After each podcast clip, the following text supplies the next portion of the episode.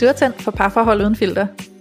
Jeg er Julie. Jeg er seksolog, og jeg har specialiseret mig i tiltrækning, og hvorfor den vi tiltrækker aldrig er den forkerte, og hvordan vi kan bruge parforholdet til at forløse os selv og hinanden.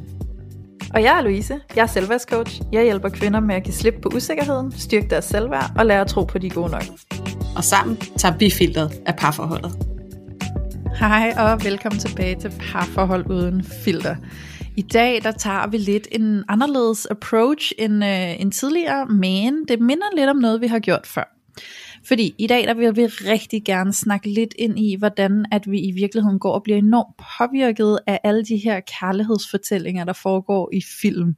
Og øhm, om ikke andet, så er jeg sikker på, at rigtig mange af jer, I har siddet og set med for rigtig mange af de her Hollywood-klassikere, Hollywood-film, som ligesom portrætterer den her store, romantiske, passionerede kærlighed, og hvordan at vi kan sidde og sådan forsvinde helt ind i den fortælling og bare føle, at det ville bare være go goals, hvis det var sådan der, jeg kunne få kærlighed i virkeligheden. Men hvor virkeligt er det i virkeligheden? Og det kunne vi godt tænke os at snakke lidt om, fordi i virkeligheden så har vi en, øh, et syn på det, der hedder, at øh, mange af de her store romantiske fortællinger i de her Hollywood-film, de øh, forurener nok i virkeligheden lidt billedet af kærlighed og hvad romantik er i den virkelige verden. Og det kan altså godt gå ind og forstyrre rigtig meget de krav og forventninger, vi kan have til de øh, relationer og parforhold, vi indgår i i virkeligheden virkeligheden. Så øhm, today we will unbunk that. Vi vil rigtig, rigtig gerne tage filter lidt af alt det her øh, pladerromantik, om jeg må til at kalde det, der er i Hollywood, og øh, dykke lidt ned i virkeligheden af det. Så, øh, så det gør vi i dag, og øh, Julie, hej til dig. Hej Louise. Hej. Så øh, både Julia og jeg, vi har siddet og set The Notebook i går aftes, for ligesom at øh, kigge lidt ind i den. Vi har selvfølgelig set den før, nu siger jeg selvfølgelig, det er, en, det er en selvfølge for mig, men jeg er sikker på, at der også er nogen, der ikke har set den. Og til dem af jer, der ikke har set den, måske gerne vil se den, så skal I vide, der kommer mega mange spoilers. Og øh, til alle jer, der har set den, undskyld, hvis vi ødelægger den for jer. men, øh, men vi kommer til at tage øh, The Notebook som et eksempel i dag, fordi at det er sådan en af de her helt store kærlighedsfilm, som vi ved, at rigtig mange mennesker sidder dående over, hvilket vi godt forstår, for vi bliver også selv rørte, når vi ser den. Men, øh, men ikke desto mindre, så kunne det være rigtig interessant at tage udgangspunkt i The Notebook, og ligesom kigge lidt på den adfærd, der foregår mellem Noah og Ali, som er de her to hovedpersoner, og kigge lidt på, øh, er det romantik, eller er det helt i vejret. mm-hmm.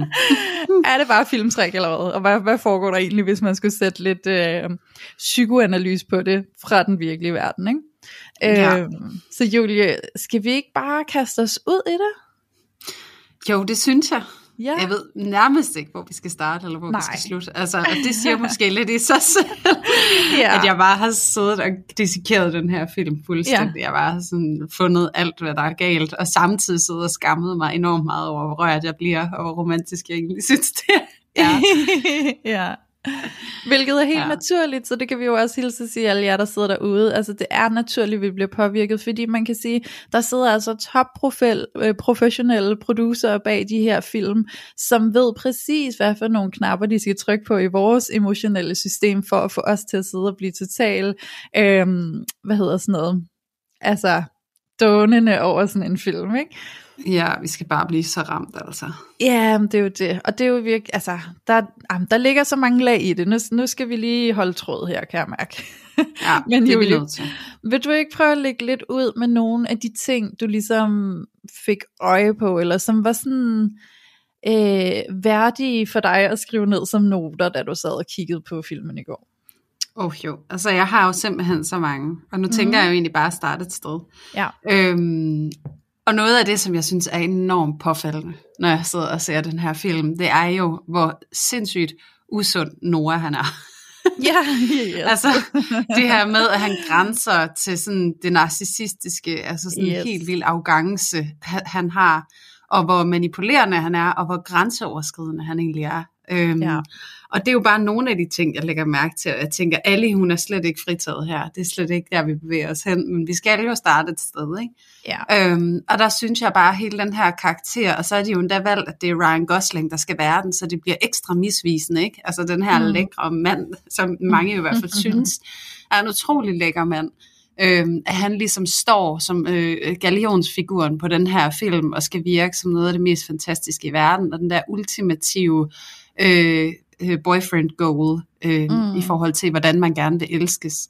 Og det er sådan, altså det der virkelig er påfaldende, det er det her med, at han er jo ikke, jeg ser jo faktisk igennem den her film, at han ikke elsker Ali, men han er obsessed med hende. Altså han er besat af hende. Ja. Øhm, og det jo, bliver jo tydeligt det der med, når hun ikke ved, hvad hun vil, og hun ligesom skubber væk og siger, ej, men det skal jeg, og jeg ved ikke, og jeg kan ikke finde ud af, hvordan jeg har det, og så er det der med, du bliver ikke lykkelig uden mig, og prøv at forestille dig dit liv om 20-30 år, fortæl mig, du bliver lykkelig. Sådan, altså han har den her grandiositet på en eller anden måde, sådan at det er med mig, du bliver lykkelig, ja. og det skal du selv indse. Ikke? Jo. Øhm, og, og, det, og det synes jeg er, øh, er vildt, den måde det er. Altså egentlig var jo det jo, jeg har jo selv så set den her film så mange gange øh, tidligere, og det er så flere år tilbage nu, ikke? hvor jeg bare virkelig har synes den var så romantisk, og bare sådan den måde, han bare altså virkelig elskede hende på, og hvad kan man sige, også det her med, den måde, han pedestaliserede hende på, på en eller anden mm. måde, det der med at blive set i det lys, altså, ja. hvor jeg bare har siddet, Ja, og jeg har bare siddet sådan længselsfuldt og set den her film, og bare tænkt sådan, åh, hvis bare nogen så mig sådan en dag, og nogen ville gøre alt det for mig. Ja. Og, og det er jo det, det, der er problemet, ikke? det er jo faktisk, at den her film formår at putte nogle, altså hvad kan man sige, forståelser ind i vores hoved af, at kærlighed, det skal være sådan noget grandiost noget, med sådan nogle kæmpe kærlighedserklæringer, øhm, og at der hele tiden sker noget, og det er også noget af det, jeg synes, der er interessant i den her film, Louise, det er det her med, at der er ikke et, et gram af leverpostejs hverdag med mm-hmm. i mhm. den her film. Mm-hmm. Der er kun alle de store ting, og de store skænderier, og de store gestusser, og nu skal vi ud og sejle i en båd, og nu har jeg bygget dit drømmehus, vel at mærke, uden du vidste, ja. øhm, som mm-hmm. også er vildt grænseoverskridende. Prøv lige at forestille jer, at jeg har en kæreste, som I ikke har set i alle de år, og I står og er blevet forlovet og skal til at giftes, og så kommer den her ekskæreste og viser jer, at de har bygget et hus, som du har beskrevet, mm. da du var teenager, i en ja. sommerferie, hvor det bare er sådan, creep much? Ja.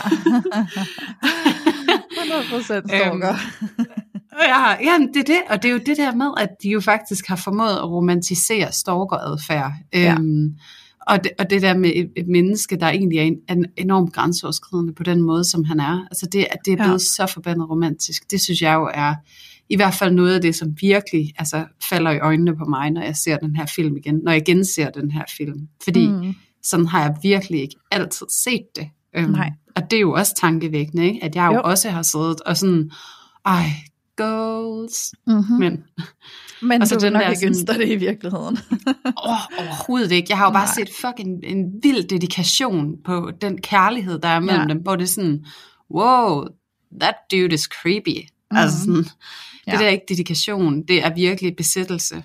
Altså ja. også det der med, du opgiver altså at være tæt på dine børn, for at være tæt på din demente kone. Jeg mm. kan sagtens se kærlighedserklæringen i det, men det er den ekstremitet, der er i det, som vi skal bide mærke i, det der med at give afkald på alt for ja. den her person.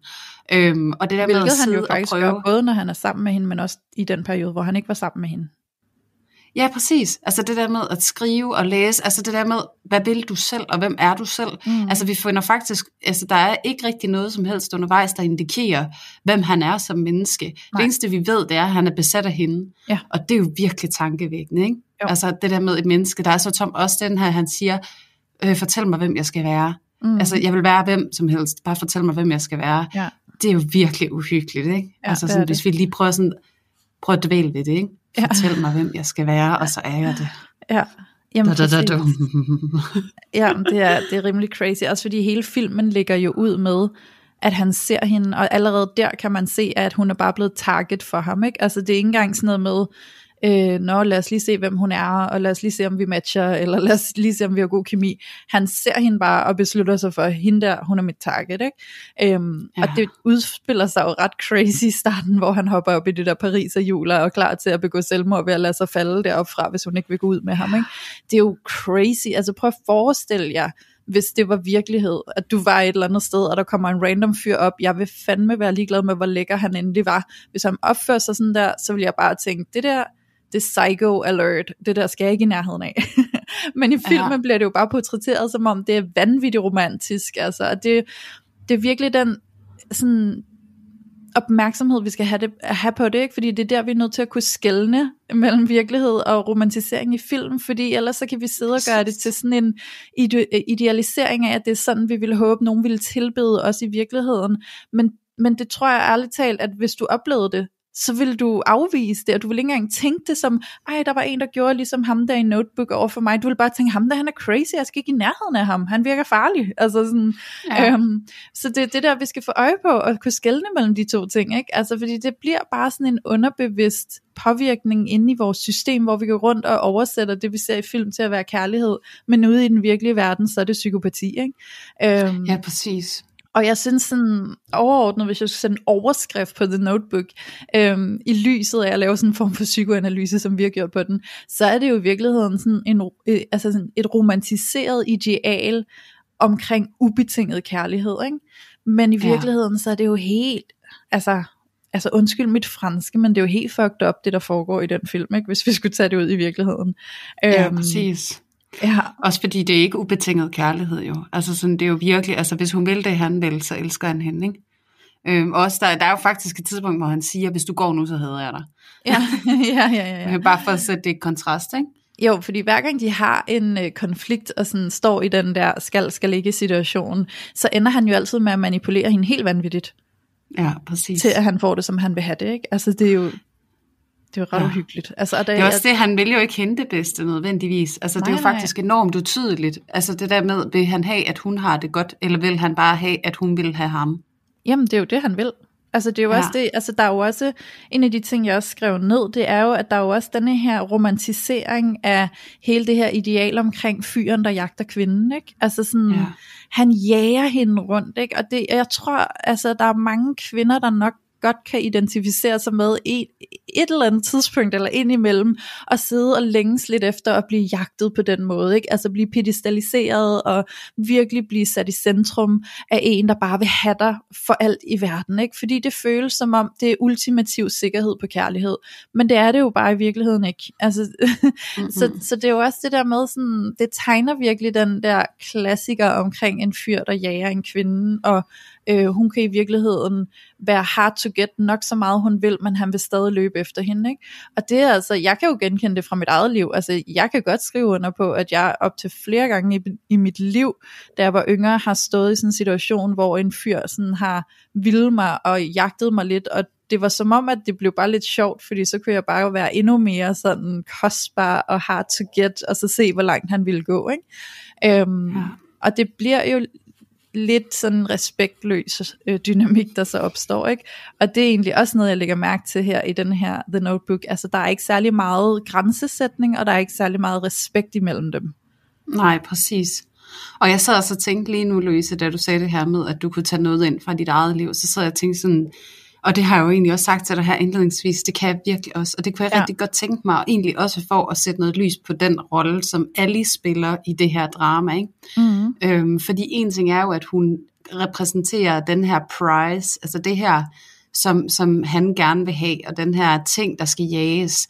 Men det, som man også skal lægge mærke til, synes jeg, der er rigtig, rigtig vigtigt i den her film, det er også måden, at Ali hun ligesom er portrætteret på, og måden hun er vokset op på. Mm. Og det her med, at hun er den her pige fra den her meget velstående familie. Øhm, og der er nogle forventninger til hende, og nogle forventninger til, hvordan hun selv skal etablere sig, for ligesom at være accepteret i den familie. Ja. Og der er en samtale i starten, som Noah og Ali har, hvor at hun ligesom sætter ord på, at vi har snakket om, at jeg skal det her, og så har vi snakket om, at jeg skal det her, og så konfronterer han hende og siger, jamen, hvem er vi? Jamen det er mine jeg, forældre og jeg, vi, vi finder ud af alting sammen, og så siger han, hvem er du? Altså, hvad vil du gerne? Mm. Og, og hvad er det egentlig, du vil? Og jeg troede, du var sådan en fri type, men det er du så åbenbart ikke. Øhm, der begynder han så at manipulere hende, men det er en anden ja. Men, men det her med, at hun jo faktisk er utrolig uselvstændig i sine beslutninger, mm. og det her med, at hun har brugt rigtig meget af sit liv på at kigge ind i og lytte ind i, hvem er det, jeg skal være for at være elsket, og for at mm. jeg skal være god nok. Ja. Og så det er jo et produkt af den opvækst for hende, det er jo på en eller anden måde at længes efter et opgør med det. Ja. Og der kommer Noah så til at repræsentere det her for hende, det her opgør med den her, hvad kan man sige, kasse, som hun er blevet opdraget ind i, og den længsel efter at bryde ud af den kasse. Så det er jo også det der med at se, at det jo ikke er en, er en vild kærlighed mellem hende og Noah, men det er jo en katalysator, øh, hvor at Noah han bliver symbolet på den her frisættelse, som alle dybest set længes efter, hvor hun mm. kan få lov at være sig selv og være den, hun er. Ja. Øhm, og en anden ting er også, at når hun er vokset op, som hun har gjort, så har hun jo også fået undertrykt sine egne behov og hendes egne impulser hele mm. tiden, fordi at hun skulle rettes ind i det her, hun skulle være. Ja. Og det betyder jo så også, at hun er rigtig formbar, og hun er rigtig nem at manipulere. Hun er ja. rigtig, rigtig nem at skubbe ud i de her yderpositioner, fordi hun mangler den her grit i sig selv, fordi mm. den har hun undermineret gennem sin opvækst. Ikke? Ja. Øhm, og, og så det, jeg startede egentlig med at sige, at jeg kunne se det i forhold til mig selv, og det er faktisk fordi, at noget af det, jeg lagde mærke til i går, Louise, da jeg sad så den her film, det er sådan, det shit, det minder mig om en af mine forhold. Altså. Mm. øhm, og det var så vildt, og det er jo fordi, at jeg jo også selv meget, øh, og det ved I jo by now, jer øh, kære lyttere, som er, er faste på den her podcast, og hvis ikke I er, så kan I jo lytte tilbage, hvis I bliver nysgerrige nu. Øh, men det er jo, at jeg selv er, er vokset op på en måde, hvor at jeg er undvigende, og det betyder også, at noget af det, jeg er indendørs verdensmester i, det er at undertrykke mine egne behov, og have antennerne ude, og være enormt opmærksom på, hvad min omgivelser gerne vil have af mig, sådan at jeg kan få lov til at bevare kontakten. Øhm, så jeg havde også det her mønster, og så mødte jeg faktisk den her fyr engang, da jeg var teenager, og han kom bare fra noget helt andet, og han var netop enormt grænsesøgende og enormt øhm, optaget af mig, og han synes simpelthen, jeg var så fantastisk, og kom med de her vilde romantiske gestusser, og var virkelig sådan enormt dedikeret. Øhm, og jeg, jeg tog det bare rent ind, jeg ud det råt. Det var så dejligt at blive sat op på en pedestal på den måde, fordi jeg jo tit og ofte igennem mit liv egentlig havde følt mig meget lidt vigtig, øh, meget lidt prioriteret, meget faret til side, så derfor så kommer der ind, og så bliver jeg centrum i hans verden. Det er jo bare det, jeg har længtes efter altid. Så det er også det der med, at det er det, der bliver aktiveret, ikke? at nu kan jeg få mm. lov til, at du elsker mig, som jeg er, og du synes, jeg er fantastisk. Men det, der så er trist ved det, det er jo så, at man vågner op til, undervejs, at det jo netop ikke er ubetinget. Fordi der er jo også en, du skal være den her pedestal, altså du skal være heroppe mm. på en eller anden måde for mig, ikke? for at den her kærlighed, den bliver bedre. Og det, jeg har det helt vildt ambivalent med overhovedet at kalde det kærlighed, for det synes jeg faktisk ikke, det er. Nej, nej. Øhm, det er jo sådan en, en, en hvad kan man sige, infantil øh, besættelse af et andet menneske som kompensation for det, man ikke selv kan, kan vokse op ind i en selv. Ikke? Altså fordi man ja. simpelthen mangler evnerne eller indsigten til selv at kunne ligesom forløse sin egen situation. Ja. Så kan man putte det over på noget i stedet for. Ikke? Jo, jo. Ja.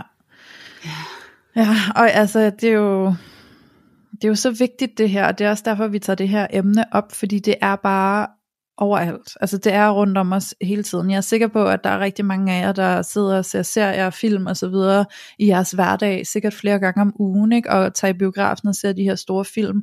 Øhm, og det, altså det, det er netop derfor, vi tager det op. Altså det, det er jo egentlig mm. ikke mere, altså det er ikke så meget bare fordi det er lidt hyggeligt at sidde og analysere The Notebook. Det er vigtigt for mig lige at, øh, hvad kan man sige, øh, sætte fokus på.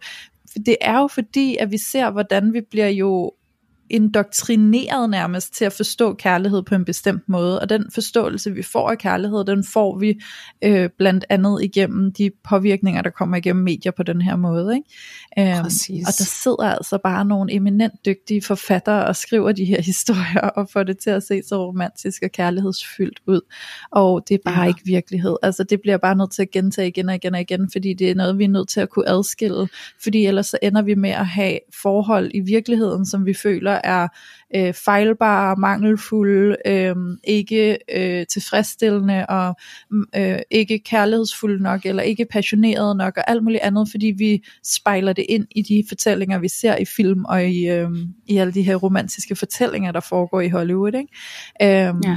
Og, og det er simpelthen bare så vigtigt, at vi får adskilt det, fordi det kan godt være, at vi kan sige til os selv, når jamen det er jo bare en film. Ja, men er du, altså, får du lagt mærke til, hvor meget det måske i virkeligheden påvirker din underbevidsthed? Øhm, får du lagt mærke til, øh, kan du tage dig selv i at sidde og se sådan en film, og så sidde sådan øh, lidt skjult og have sådan nogle tanker, sådan, åh, hvorfor gør min partner ikke det der, eller, ej, jeg ved faktisk ikke, om min partner er den rigtige for mig, jeg vil hellere møde en, der er lidt mere ligesom ham derinde i filmen, eller hende derinde i filmen, eller sådan, ikke? Altså, hvis du gør, så er det helt normalt, men prøv at lægge mærke til, at du gør det, fordi det er jo det, der sker, når vi ser sådan nogle film, og vi bliver forurenet i vores opfattelse af virkeligheden, når vi sidder og ser filmen, som om den var virkelighed, ikke? Præcis. Ja. Og det er jo også fordi, at man i film, der er det jo også det der med, at det trygge og det stabile, det er jo ikke særlig spændende at sidde og kigge på. Nej. Og det er jo Nej. også derfor, at vi ikke får at se den der lever på stejs hverdag og sådan noget, fordi det er sgu ikke særlig ophidsende. Mm-hmm. Det kommer ikke ind og trykker på vores knapper, sådan at vi gider at blive siddende og se den der film. Ja. Og det er også derfor, at der desværre tit i de her film, bliver sådan noget med, at det der høje konfliktniveau, og, og det der, altså, at det normaliseres, at der skal være det her drama. Ja. Øhm, og dramaet forveksles med passion. Øhm, hvor det, og det er jo også det der med, at, at det, han siger det jo endda også i filmen på et tidspunkt, der med, at vi var ligesom cats and dogs, øhm, og vi, vi, vi var egentlig ikke rigtig enige om noget som helst. Så det er jo det der enorme skift mellem, at så er vi ryge nu, venner, og så, så er der forsoningen. Ikke? Jo. Og det er altså virkelig at spille på følelserne, og det er jo det, som de her instruktører og de her filmproducenter, de gør. De sidder jo netop og spiller på vores følelser, så vi har lyst til at blive ved med at sidde og se de her film. Og den opmærksomhed, som det også er så fint, du fremhæver, Louise, det her med, hvordan det går ind og internaliserer sig i Ja. vores underbevidsthed, i forhold til, hvad det er, vi tror, vi skal se på, når vi kigger ud i vores eget liv, for at det er romantisk. Fordi der er jo også den der kollektiv altså enighed om, at det her, det er romantik, og det her, det er en all-time evergreen inden for det romantiske øh, filmfelt. Mm-hmm. Øhm, så er der jo sådan en social konsensus om, okay, det der, det er bare love goals på en eller anden Ja. måde. Ikke? Jo. Øhm, så det er, jo, det er jo de der forvekslinger, som vi netop skal gøre op med, og det er også derfor, vi laver det her afsnit, Louise. Det er jo fordi, at det jo desværre kommer til at, at blive sådan noget, som er noget, vi i virkeligheden skal stræbe efter, men som i, og så det der med netop at gå ind og dissekere det, som vi gør, sådan prøv lige at se, hvad der i virkeligheden sker, og vågne op til det, fordi at det er så vigtigt at få øje på, at det her, det er altså ikke, øhm, det er den mest, måske en af de mest usunde former for øhm, en samspilsdynamik, ikke? Altså Ja. mellem to mennesker. Ja. Og det, det, det er faktisk ikke så, så konstruktivt for os at prøve at idealisere det som noget Nej. Og jeg tænker også, at hvis, hvis du prøvede at efterleve, øh, hvad kan man sige, det der foregår eksempelvis i det Notebook, så tror jeg, du vil opleve, at det faktisk ikke vil være et særligt rart forhold at være i, og ikke et særligt rart liv at leve. Ikke? Øh, men i filmen ser det jo helt vildt romantisk ud og meget lykkeligt ud, ikke? og det, er, det ville det nok ikke være, hvis du tog det ud og implementerede det i dit eget liv. Øh, og et meget sådan tydeligt et eksempel, jeg så på det, mens jeg sad i går og så filmen, og ligesom skrev lidt noter ned og sådan, det er, at jeg ser også det her happy wife, happy life syndrom. Øhm, fordi Noah er meget opsat på whatever you want. Altså sådan, han, hvad hedder sådan noget, føjer egentlig bare Ali. Så, mm. Så det handler bare om, hvad hun vil have, så skal han nok opfylde det, så skal han nok øh, bringe det, kan man sige. Ikke? Og det bliver Ja. meget det her happy wife, happy life syndrom, som i virkeligheden, hvis I alle sammen lige prøver at mærke efter, så kan det være, at I i en eller anden grad har været, øhm, hvad kan man sige, ude for det. Så måske har du været den, der har søgt at skabe happy wife, happy life dynamik, eller også så har du måske været den, der har havde- haft en partner, der har gjort det over for dig. Ikke? Og prøv lige, altså jeg kan i hvert fald godt huske, så prøv lige alle sammen at mærke ind i, hvis I har oplevet det her med en partner. Ikke? Jeg har stået over for en partner, der gerne ville føje mig og tilfredsstille mig på den måde, at det bare var happy wife, happy life. Det er røvsygt. Det er kedeligt, mm. fordi at så står du lige pludselig over for en partner, som i virkeligheden bare er en tom skal, der bare prøver at lede efter, hvad vil du have, for så er det det, vi gør. Og ærligt talt, altså jeg ved ikke med jer, men for mig så blev det meget kedeligt, og det blev meget følelsen af, hvor er du henne? Altså hvor din personlighed hen, hvor dine krav, hvor dine behov, hvor den der fælles respekt imellem os, som vi kan danne en dynamik ud fra, frem for at det bare er dig, der sådan halser lidt efter mig og bare gør, som jeg vil have, og vi spiser det, jeg vil spise, og vi tager derhen, hvor jeg vil hen, og altså det bliver bare kedeligt. Øhm, det er jo ikke fedt, når du bare har en partner, der bliver sådan lidt usynlig, fordi de egentlig bare føjer dig hele tiden. Og det er jo det, som øh, Nora eksempelvis gør rigtig meget over for alle her i uh, The Notebook. Ikke? Øhm, men, i, men i filmen, der ser det bare så romantisk ud, og jeg er sikker på, at der kan sidde en række kvinder, der ser den her film, ligesom jeg har siddet og set den, øhm, og, og sidde og tænke sådan, åh, altså sådan, hvor er det romantisk, og han, mm. han, han gør bare alt, hvad hun vil have, og han gør alt for, at hun skal være glad, og sådan, ikke? Altså, ærligt talt, det er fuldstændig destruktivt, hvis det var i virkeligheden. Øhm, Ja. og det er bare det skæld, vi ligesom skal have frem og have gjort synligt i forhold til mange af de her Hollywood-film. Hvor destruktivt det ville være, hvis det var virkelighed. Ikke? Og, og måske så når du ikke engang at se, at den der mand, der står og gør alt for dig, og vil gøre lige præcis som du vil have, han måske allerede står foran dig, men der ser du det bare som en irritation, eller som sådan en, hvorfor kan du ikke træde i karakter selv? Øhm, men inde i filmen, der ser du slet ikke, at det faktisk er det samme, han gør, fordi der er det bare sat i et andet lys, hvor det ser så romantisk ud, ikke? Ja, præcis. Ja. Præcis. Og også det der med, altså drømmen om at have sådan en mand, der, er ting, der, der kører lidt den der happy wife, happy life mentalitet. Mm. Altså det er jo også noget med at have en skærpet opmærksomhed på, hvis du sidder og kigger på det der, og der er noget, der virkelig tiltaler dig i det du ser, så prøv at være nysgerrig på, hvor det kommer fra ind i dig. Altså det her med at blive prioriteret så sindssygt meget. Mm. Øhm, hvad er det en længsel, du har? Øh, er, der, er der et eller andet, du skal ind og kigge på, eller arbejde med, og trænger du måske til at prioritere dig selv mere, eller selv sætte dig mere i fokus, eller træde i karakter i dine relationer? Ja. Øhm, fordi den der længsel kan jo godt være en længsel efter, at nogen de gør det for dig, fordi du ikke selv føler, at du kan, øhm, eller har ressourcerne, eller mod til at turde træde i karakter, fordi du netop er bange for at komme til at føle, eller et eller andet. Ikke? Så det er jo den der med, altså det bliver jo sådan en, at nu går vi ind og giver hinanden plaster på vores dybe sorg, og vi arbejder ikke på dem, ikke? Mm. Og det er jo det, der er, det er sådan en fin skildring med de her to, hvordan de på en eller anden måde går ind og lapper noget, som ja. dybest set er enormt traumatisk, Øhm, og så bliver det utrolig romantisk, når man sidder og kigger på det, ikke? og man lægger den rigtige musik henover, øhm, ja. og øh, tilpasse mængder med vand ude i en robåd. Øhm, ja, altså, det, det, der med, ja, det der med, at man kan gøre det så sindssygt fint, ikke? Øhm, og også den der, altså, og det der med, hvordan man egentlig går i symbiose med, at vi er de der broken broken birds, ikke? hvor han yeah. siger, if I'm a bird, you're a bird. Yeah. Øh, eller if you're a bird, I'm a bird, og det synes jeg egentlig også var en super mærkelig replik. Men, Ej, jeg kan godt men lide Jeg vil også tale ind inden bagefter. ja, men der synes jeg netop det der med, og det synes jeg jo også er noget, vi prøvede, har prøvet ligesom også at debunke lidt i vores podcast. Vi har lavet et mm. helt afsnit om det her med symbioseforhold, og hvordan at det egentlig er enormt øh, destruktivt at gå i symbiose med hinanden på den måde. Ja. Og her i den her film, så bliver det jo enormt idealiseret, det der med, at det er Noah alle imod resten af verden, og ja, fuck ja, ja. familien, og fuck de venner, der sagde, det ikke gik, og altså det der med, at fuck den rationelle forlod, hun havde, som egentlig virkede rimelig sund, ikke? Altså. Præcis, og det der med, at, at der er den der med, det var også det der med, at de bliver hurtigt forelsket, ikke? Altså sådan, mm. han overtaler hende til at være sammen med sig, og så er de inseparable, ja. ikke? Ja. Øhm, og der bliver de bare sådan totalt øh, i den der symbiose tilstand, som noget vildt romantisk. Ja. Og jeg, jeg, jeg er simpelthen nødt til at gribe den med hendes fiancé, fordi der er det perfekte eksempel mm. på, hvordan den der stabile, trygt tilknyttede mand, som egentlig siger, jeg vil faktisk ikke giftes med dig, hvis du ikke har lyst til at blive gift med mig. Altså den der enormt sunde grænsesætning, sådan, ja det, det, det, det jeg skulle få glad for mig selv til, at jeg har lyst til at sætte mig selv i den position, så synes jeg, at du skal noget andet. Og det er jo egentlig netop en, et udtryk for en mand, der respekterer Alice behov. Ja. Uanset om hendes behov så er sundt eller godt for hende, så sidder han faktisk enormt respektfuld omkring, at det er hendes oplevelse, og det er hendes behov, men også at han giver udtryk for, sådan, det, gør, det, det er jeg ked af, og det er ikke det, jeg ønsker, men jeg ønsker ikke, at du skal gifte dig med mig, hvis det ikke er det, du har lyst til.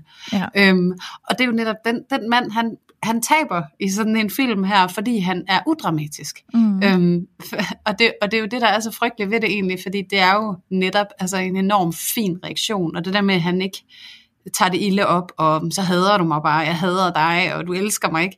Der er ikke det der drama, fordi han er egentlig ret okay med sig selv, og han er ret confident i sådan, det er ikke mit, det er dit, og det er ja. okay. Ja. Øhm, og så er han hurtigt ud af billedet, ikke? fordi han er jo. sgu ikke spændende at sidde og kigge på. Nej. Nej, men det er det, og det er så skægt, ikke? fordi det er det der drama, der gør filmen, ikke? og det er det i alle film især. Øhm, fordi der, ja. er jo, der er jo nogle teknikker, man bruger, når man producerer sådan en film, og øh, nu er det ikke fordi, at jeg øh, ved alt om film, eller hvordan man bygger en film om, men jeg ved en lille bitte smule, jeg, jeg ved, der er nogle termer, der hedder Hero's Journey, og øhm, der er også det her Point of No Return, så kan I selv google lidt frem på det, hvis I synes det er spændende at sidde og kigge lidt ind bag om teknikkerne, når man bygger en film op. Men det er jo sådan nogle metoder og teknikker, der er til stede netop for at fange tilskuerens opmærksomhed og holde dem opmærksom i den halvanden til to timer, en film varer. Fordi, at ligesom du sagde før, Julie, der bliver jo også lagt musik på, der passer til stemningen og som skaber en følelse og sådan noget. Ikke? Prøv at forestille jer, hvis man tog musikken ud af en film, og man bare så de rå scener. Prøv at forestille jer, hvis der ikke var de her teknikker, de har bygget hele historien op rundt om, eksempelvis A Hero's Journey, jamen det vil blive fladt, og det vil blive kedeligt, og du vil ikke gide at sidde i halvanden til to timer og, og kigge med sådan en film. Og så vil de ikke kunne sælge den her film, og så vil de ikke kunne tjene penge på det. Så prøv nu også at kigge efter, hvor meget det faktisk er bygget til at skabe en bestemt følelse af længsel inde i dig, som du kan sidde og føle øh, trængt til at se, mens du ser sådan en film. Ikke? For det er, jo det, det, det er jo det, det handler om, når de producerer sådan en film. Ikke? Altså i grov træk, så kan der selvfølgelig også være nogle andre budskaber og nogle rigtig gode ting, de gerne vil have frem indimellem. Ikke? Men, øhm, ja. men, men, men det er vigtigt at kigge på det håndværk, der ligger bag en film, sådan så vi forstår, at det er altså meget langt fra virkeligheden i de fleste tilfælde. Ikke? Ja, øhm, præcis. Og, øh, og så har jeg lige lyst til at vende tilbage til den her sætning, den her replik, du snakkede om, Julie, den der, if you're a bird, then I'm a bird.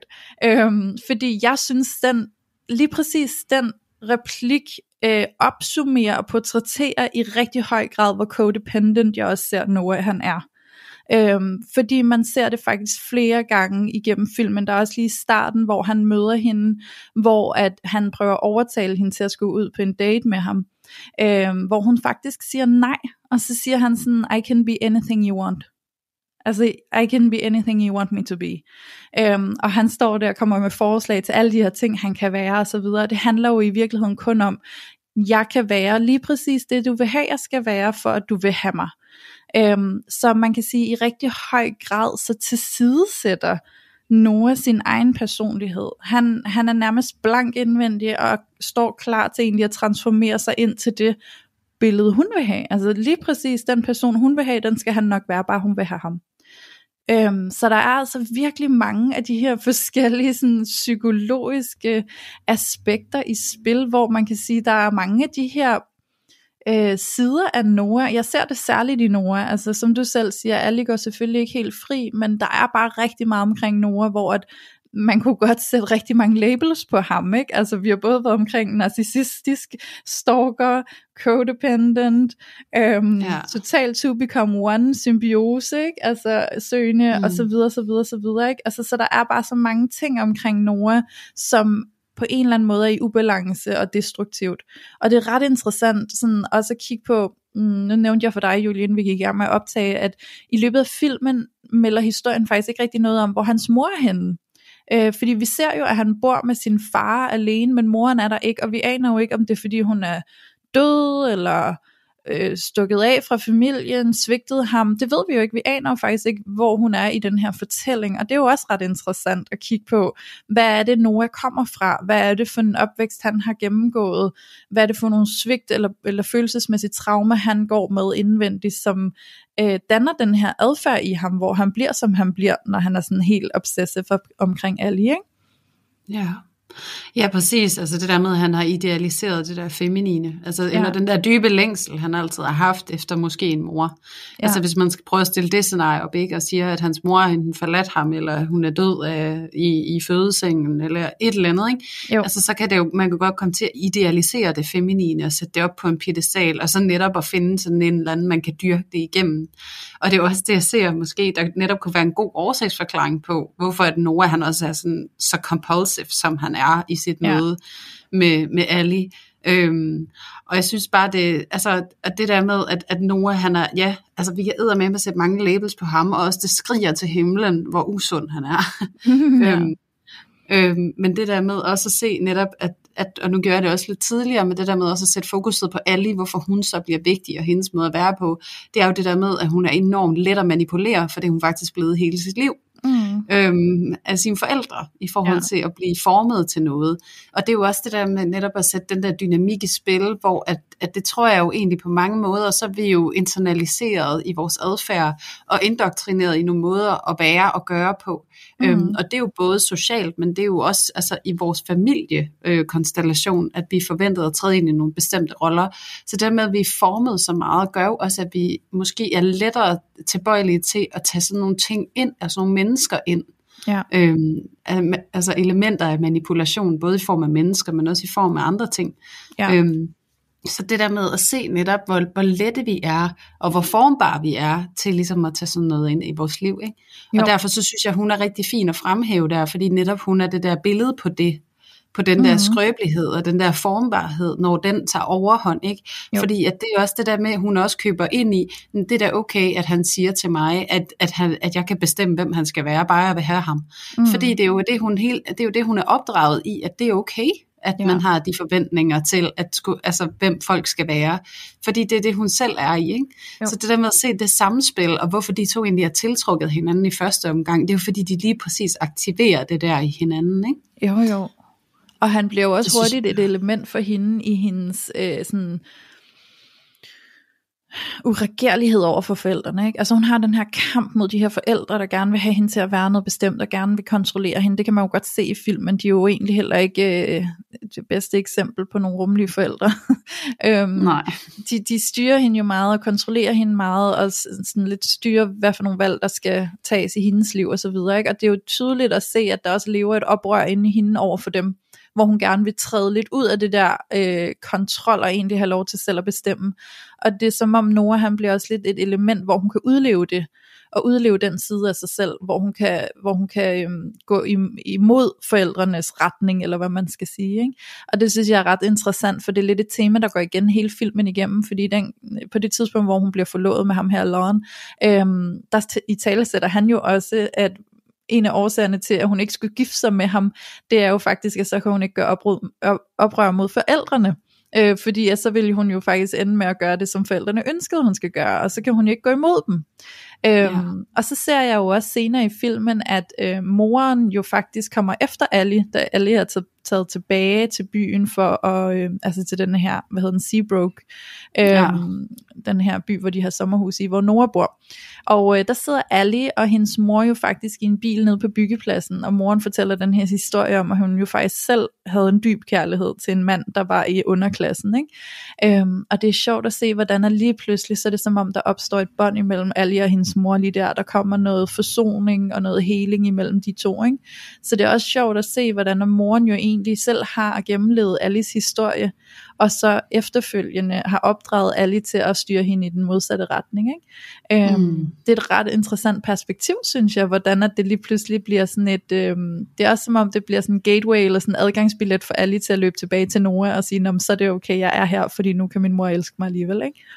Ja, præcis. Og igen ja. det der med, at hun er yderstyret. Altså ja. det er vigtigt, at mor hun accepterer alt, hvad jeg gør, eller der er en eller anden form for accept for, at jeg kan give mig hen til det. Ja. Og hvis ikke at der er den accept, så kan jeg kun give mig hen til det i skjul, ikke? Mm-hmm. Fordi det er så vigtigt for mig, at andre synes, at mine beslutninger er okay og i orden. Ja. Så det er jo sådan en enorm uselvstændighed i hende, øhm, som egentlig er gennemgående i, igennem mm. hele filmen. Ja. Og så sidder jeg også og tænker det der, du siger, at så kommer de ned og ser ham på byggepladsen. Der lagde jeg også mærke til en scene, som jeg synes er vigtig også at fremhæve, fordi den også på en eller anden måde repræsenterer et fænomen, som vi også har idealiseret lidt mm. øhm, i vores samfund. Og det er øh, den her øh, scene, hvor de sidder og har den her middag hjemme ved Alice forældre, hvor Nora ja. skal møde dem. Og alle sidder i hvidt, undtagen Nora, han sidder i sort. Mm. Og det synes jeg sådan rent filmisk, så det er også det der med at udstille ham som det der The Black Sheep. Ikke? Ja. Øhm, og så også det med, at de sidder alle sammen med deres fine uddannelser og spiller krokket i weekenden, eller hvad de ja. gør. ikke. Altså, you follow me. Mm. Øhm, og så er der Noah, som sidder der ufaglært tømmer, Ja. Øhm, og som egentlig bare gerne vil tjene til dagen og vejen, og som er sådan lidt rebelsk, og sådan lidt, jeg er ligeglad med jeres øh, fise fornemme miljø her, øh, jeg er mig. Øhm, og, og det der med, at man jo på den måde også har idealiseret den der lidt bad boy, altså det, han stikker sig lidt ud, og han er lidt ligeglad, og han er lidt rebelsk, og, altså, og netop, at man kommer til at forveksle det som sådan en selvstændighed, eller sådan lidt, jeg er ligeglad med, hvad I synes, Øhm, fordi det er jo et eller andet sted at udtryk for lidt den der usunde, jeg er faktisk bare lidt ligeglad med, hvad alle tænker og føler. Altså, at det er mere usensitivitet over for andre, øhm, end det egentlig er den selvstændighed i ham. Øhm, og det, det ser man jo i kraft af, at han netop er, som han er også over for alle. Ikke? Det der med, at han ikke respekterer grænser. Han tager mm. ikke et mm. nej for et nej. Han er meget grænseprøvende og grænsesøgende i sådan et ekstrem format, hvor at han simpelthen øh, ja, nærmest ikke rigtig har respekt for noget eller nogen. Ikke? Ja. Øhm, og, og, og der er han som karakter bliver fremsat på den måde, kan også være med til at, at stadfæste det her billede af den her bad boy, som er sådan lidt i oprør og er lidt ligeglad. Og sådan. Men når man ser det i kontrast eller i sammenhæng med alle de andre ting, der sker i filmen i forhold til Noah, så er det jo netop, at man får øje på, at det faktisk er endnu et udtryk for den der øh, ligegyldighed over for andre. Mm. Og det jo ikke er et udtryk for en eller anden selvstændighed. Og det sad jeg bare, da jeg så det, så tænkte jeg sådan, altså hvor er det vildt, ikke? Fordi at jeg også, altså i hele mit liv, og måske endda til stadigvis, har lidt det der, øh, den der sukker-mentalitet for den der underdog. Mm. Øhm, øhm, og det der med, at der er noget rigtig fint i en underdog, men det skal altså også gå hånd i hånd med, at man har en eller anden form for øh, respekt og empati i forhold til andre mennesker og, ja. som han jo ikke har. Og der er jeg også bare nysgerrig på, jamen, hvor meget er der lige af det? Og jeg sidder og, altså sådan umiddelbart og tænker, det må der skulle være mange steder, fordi det virker overhovedet ikke ukendt, når jeg ser det. Men jeg tror bare, fordi at jeg sad og kiggede med de øjne, jeg gjorde i går, at jeg registrerede det på den måde, som jeg gjorde, og ikke har gjort det før, at det er tankevækkende, ikke? Jo.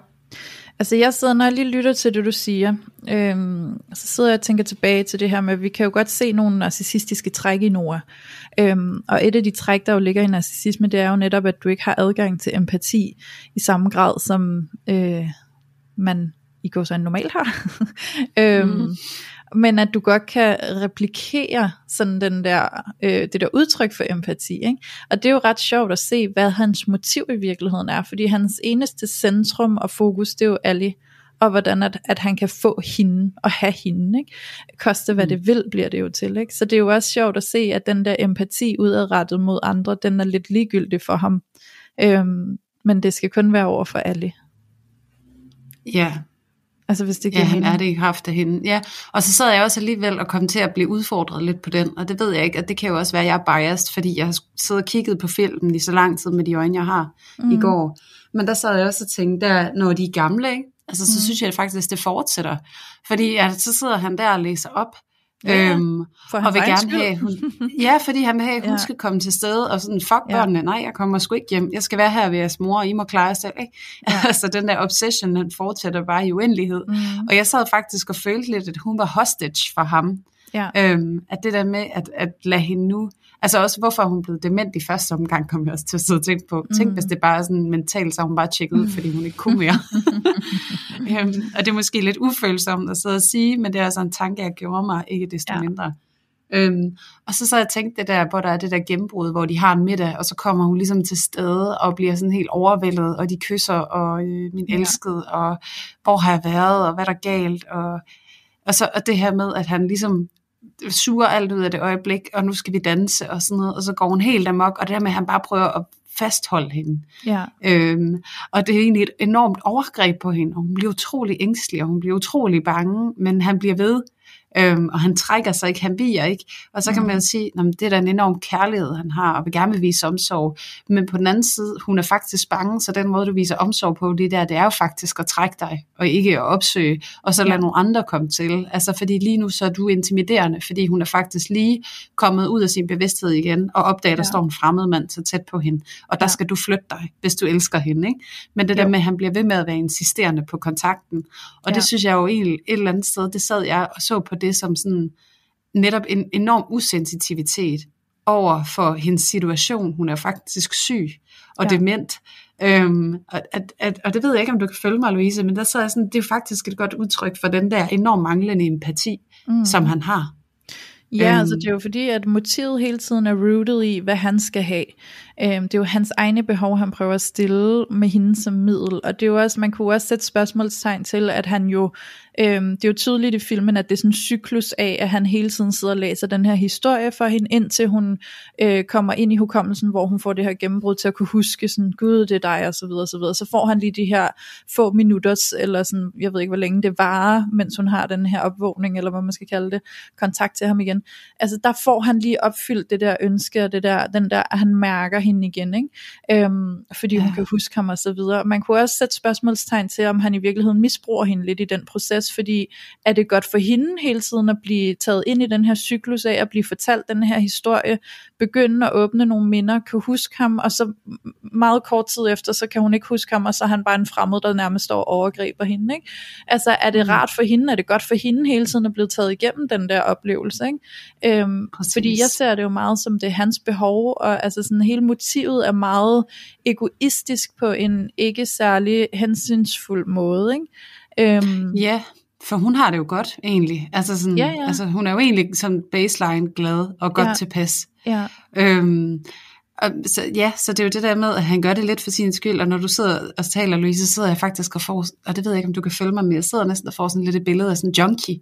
Sådan, mm, åh, så skal jeg lige have noget. Ja. jeg skal lige have det, åh, sådan, altså sådan den der ulykkelighed over, når det så er væk, og sådan, åh, det var det, og nu ved jeg ikke, hvornår jeg får mit næste fix, ja, ja, ja, ja. øhm. Men det er jo, altså den adfærd, han har der, det er jo, mens de er gamle, og de er på det her hjem, og det er jo faktisk den samme adfærd, der gør sig gældende, også da de er unge, og ikke er blevet gamle og demente endnu, ikke? Øhm, mm. Det er jo den samme adfærd, så det er jo, det er jo altså, der, får, der ser det bare ud på en anden måde, og det er bare så vigtigt at få øje på, hvor destruktivt det er, men hvor romantiseret det er blevet gjort ind i det her filmbillede. Ikke? Øhm, ja. Så please til alle jer, der sidder og lytter med, som synes det her er mega spændende, brug det her til at få en opmærksomhed på, hvor forurenet vi faktisk bliver i vores opfattelse af, hvad kærlighed er.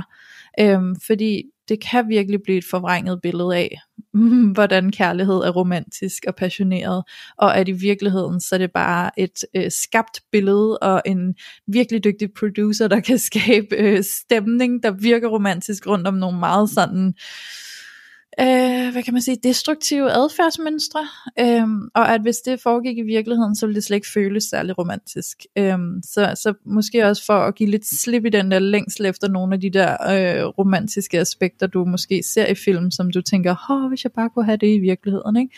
og at det du ja. har i virkeligheden er måske i virkeligheden meget mere romantisk, det ser bare lidt mere øh, basic ud. ja, det er lidt mere trivielt. Ja. Men der er også det der med, at, at, at, at noget jeg også har lyst til at fremhæve igen måske, det er det her med, at når vi sidder og ser sådan en film, og nu snakker du også selv ligesom om filmiske modeller, man arbejder ud fra og sådan nogle ting ja. i forhold til dramaturgi og sådan noget, hvor at vi skal være virkelig opmærksom på netop, hvad er det egentlig, vi får lov at se. Ja. Øhm, og det der med, at kærlighed bliver sammensat med sådan nogle enormt store gestusser, mm. øhm, som er rigtig svære at imødekomme ude i det virkelige liv. Og vi får ikke de der trivialiteter at se. Vi får ikke at se, at der skal laves mad og passes børn og tages opvask og sådan noget. De er faktisk sprunget let og elegant hen over hele det kapitel i deres liv. Ja. Øhm, og det har vi ikke fået lov at se. Så det der med, at I skal også være meget opmærksom på, hvad er det, I får lov til at kigge ind i. Og det der med, at det er en meget forelsket sommer, og så er det en meget øh, passioneret genforening. Ikke? Mm. Øhm, så, og det er det, I har set, når I har set ja. den film til ende. Um, ja. Så det der med at så sidde og, og måle sit, sit parforhold ud fra det, ja. der, der sker ind i den film, altså både med alle de her altså, uhensigtsmæssige øh, samspilsdynamikker, der er mellem de to, og de individuelle traumer, de måtte have, så det, I bliver præsenteret for, er jo slet ikke øh, forenligt med Nej. det virkelige levede liv. Så, så det her med at ikke at blive for hård omkring jeres eget parforhold, og hvordan det ser ud, og hvordan det bør se ud, og hvordan det bør føles, mm. når at det er, at man føler hinanden ægte og helt, og, og dybt og inderligt. Ja. Øhm, det er ikke sådan, det forholder sig. Altså, I kan ikke lave den sammenligning. Og det er egentlig bare noget af det, jeg synes, der er så vigtigt at, at virkelig trække ud af det her afsnit, og det er også derfor, vi lavede det her afsnit, det er simpelthen for at debunke og afromantisere de her meget romantiske evergreen fortællinger, som vi alle sammen er flasket op med. Øhm, fordi jeg desværre tror, at det er noget, vi tit kommer, også særligt hvis vi har en, en hård periode i vores parforhold, eller ja, ja, ja. vi har fået et lille barn, og vi har ikke sovet i et år, og, ja, ja. og vi har ikke haft sex i mange måneder, og sådan noget, så sidder vi og ser sådan en film, og sådan, hvorfor er det ikke det, jeg har? Ja. Og sådan, fordi du har fået et lille barn, og det er sådan der, og det der, det har ikke noget med virkeligheden at gøre. Nej, og fordi øhm, hvis det der var virkelighed, så ville det være din nabo, der havde det helvedeste.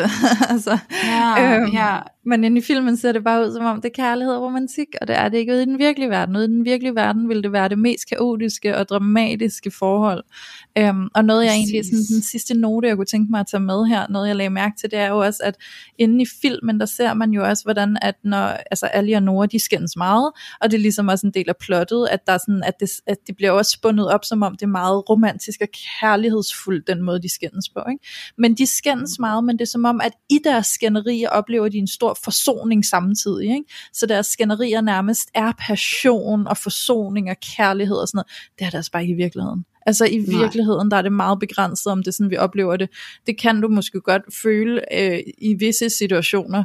Øhm, ikke dermed sagt, at det er særlig hensigtsmæssigt, øhm, men prøv at overveje, at i virkeligheden, når du har skænderier med din partner, så vil du typisk føle dig drænet, udmattet, du vil føle en kløft imellem jer, du vil måske gå lidt rundt bagefter og være sådan lidt, jeg ved ikke engang, hvordan jeg skal nå ind til dig, agtig, sådan lidt modløs, og så videre, og så videre. Og det er bare ikke det, der sker i filmen. Så det er også det der med at sådan se, hvordan at sådan nogle ting også bliver gjort romantiseret, som overhovedet ikke er det i virkeligheden. Ikke? Så prøv Nej, virkelig præcis. at lægge mærke til de der detaljer, hvor vi kan sidde og se det som kærlighed. Prøv lige at oversætte det til virkelighed, og så sige, nå ja, men hvordan ser det egentlig ud i virkeligheden? Det er jo slet ikke realistisk. Nej, lige præcis. Og så vil jeg altså også lige knytte en kommentar til, til lige præcis den dynamik, du fremhæver der, Louise, fordi du ja. har ret i, det er sindssygt vigtigt. Øhm, også fordi, at jo, man kan godt finde de her par, øh, hvor at konfliktniveauet er enormt højt, øh, mm. og hvor passionen tilsvarende er enormt høj, og det er jo også noget, det man kan se, at jo mere forelsket, og man falder pladask for hinanden i indledende faser af et parforhold, jo mere dramatisk vil det også være, og jo større såringer er der altså også i spil. Øhm, og jo, man kan godt se de her par, hvor at der også er en tilbøjelighed til forsoningssex, for eksempel.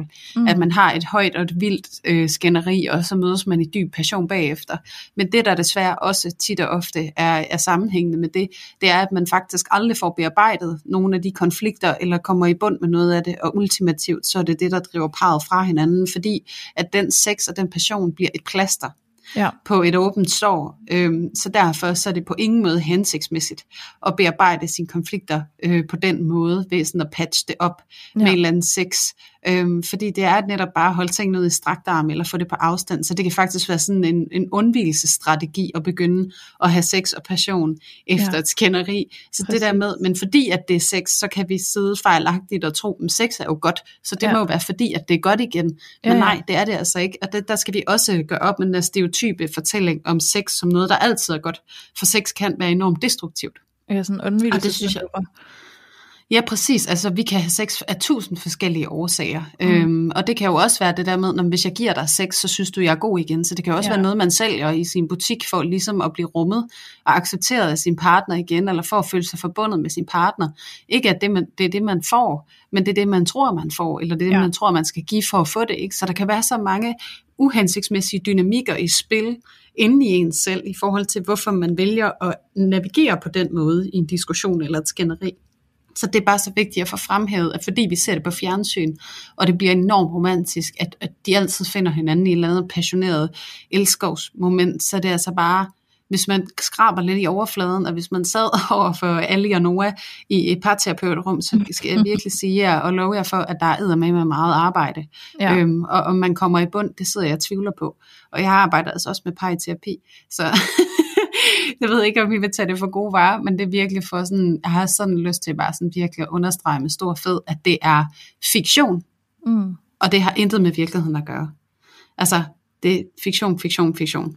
Vi ser jo faktisk også i filmen, at øh, alle og Nora, de kommunikerer jo faktisk aldrig omkring deres udfordringer. De skændes ja. bare på livet løs, og Noah han konstaterer jo endda også på et tidspunkt som argument for, hvorfor de skal være sammen. Jamen vi skændes, og det er jo dem vi er. Altså sådan, bare meget sådan konstaterende omkring, det er sådan det er, det bliver ikke anderledes sagt. Ikke? Altså der er slet ikke Nej. det der element af, lad os lige sådan reflektere lidt over vores udfordringer, hvorfor er det, vi støder hovedet mod hinanden, hvad kan vi gøre, hvordan kan vi måske møde hinanden, ikke? Altså det gør de ikke, det er bare sådan noget rabal, rabal, rabal, ikke? Øhm, ja. Så det er jo også, altså sådan, ej, prøv nu at overveje det, ikke? Altså det er jo slet ikke realistisk, at man bare, eller jo, der er jo faktisk mange par, som ikke rigtig får snakket om deres ting, og det er jo så hermed en kæmpe opfordring, og hvis I ikke gør det, så begynd at gøre det, fordi det er virkelig en kæmpe nøgle, det er, at vi kan snakke om, hvad var det, der skete, der gjorde, at vi blev så uvenner, ikke? Øhm, hvor følte du dig forbigået? Hvor følte jeg mig forbigået? Hvad kan vi gøre? Hvordan kan vi arbejde videre herfra? Ikke?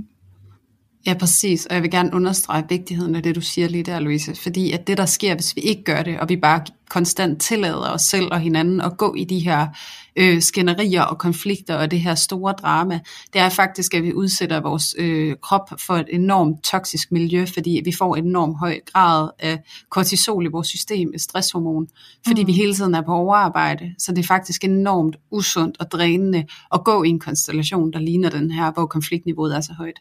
Så mm. der er virkelig altså, alt mulig god grund til at få arbejdet på det og kigge ind i det og ture ligesom og skrabe lidt i det og, og komme det til livs, fordi det kan godt være, at det virker vildt passioneret og alt muligt, men det kommer fra et smertested, øh, som ikke nødvendigvis er så hensigtsmæssigt, der skal i spil hele tiden.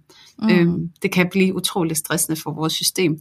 Så øh, det, det er bare lige en øh, kærlig understregning på, hvorfor det er vigtigt, det du siger, Louise. Virkelig at turde gå ind i det og dissekere det og prøve at imødekomme, hvordan kan vi ligesom gøre det mindre. Ja. Ja. Puh. Godt, så fik vi da lige lavet en lille analyse af The Notebook, og øh, vigtigere end det, så handlede det her jo ikke særlig meget om The Notebook øh, per se, men mere om, hvordan du kan øh, kigge ind bag facaden på nogle af alle de her romantiske film, der kører over skærmen, og så se, at det ikke er særlig virkeligt eller realistisk, og at i virkeligheden er det jo her bare en kæmpe opfordring om ikke at jage og opsøge, at det er sådan, din virkelighed skal se ud. Øhm, ja, fordi det vil du nok i virkeligheden ikke ønske dig, hvis det blev sådan. øhm, så læg lige mærke til, øhm, at de her film er film, og det er for underholdningens skyld, og vi må gerne sidde og øh, græde og blive rørt, eller grine, eller synes det er romantisk, men vi skal kunne adskille, at det ikke er virkelighed, og at det ja. ikke skal være målet, at det skal være sådan i virkeligheden. Ikke? Ja, det er ligesom ja. at sidde og scrolle et couple inde på Instagram, og så sige, at mit farhold skal se sådan der ud hver dag hele tiden. Ja, ja. Øhm, så det er det der med, at sammenligningen er det der, som ikke rigtig har rod i virkeligheden. At det, mm. det er det, der er problemet. Ikke? Ja. Øh, og så være, hvad kan man sige, be gentle, øh, mm. være overbærende med jer selv og med jeres parforhold, og øh, finde noget ro og tryghed i, at det skal være lidt kedeligt og trivielt en gang imellem. Ja. Øhm, at det ikke er jer, der ikke elsker hinanden nok, eller at det ikke ser ud på den rigtige måde. Fordi Præcis. det har sjældent noget med det at gøre. Så gå hen og giv din partner et stort kys og et kram. ja, og så siger jeg er glad for, at du ikke er Noah. Yeah. you don't want Noah. ja. ja. Men, øhm, men fedt, Julie. Jeg øh, vil bare lige sige tak, fordi at, øh, at du har været med til at folde det her ud. Det var sgu spændende, synes jeg.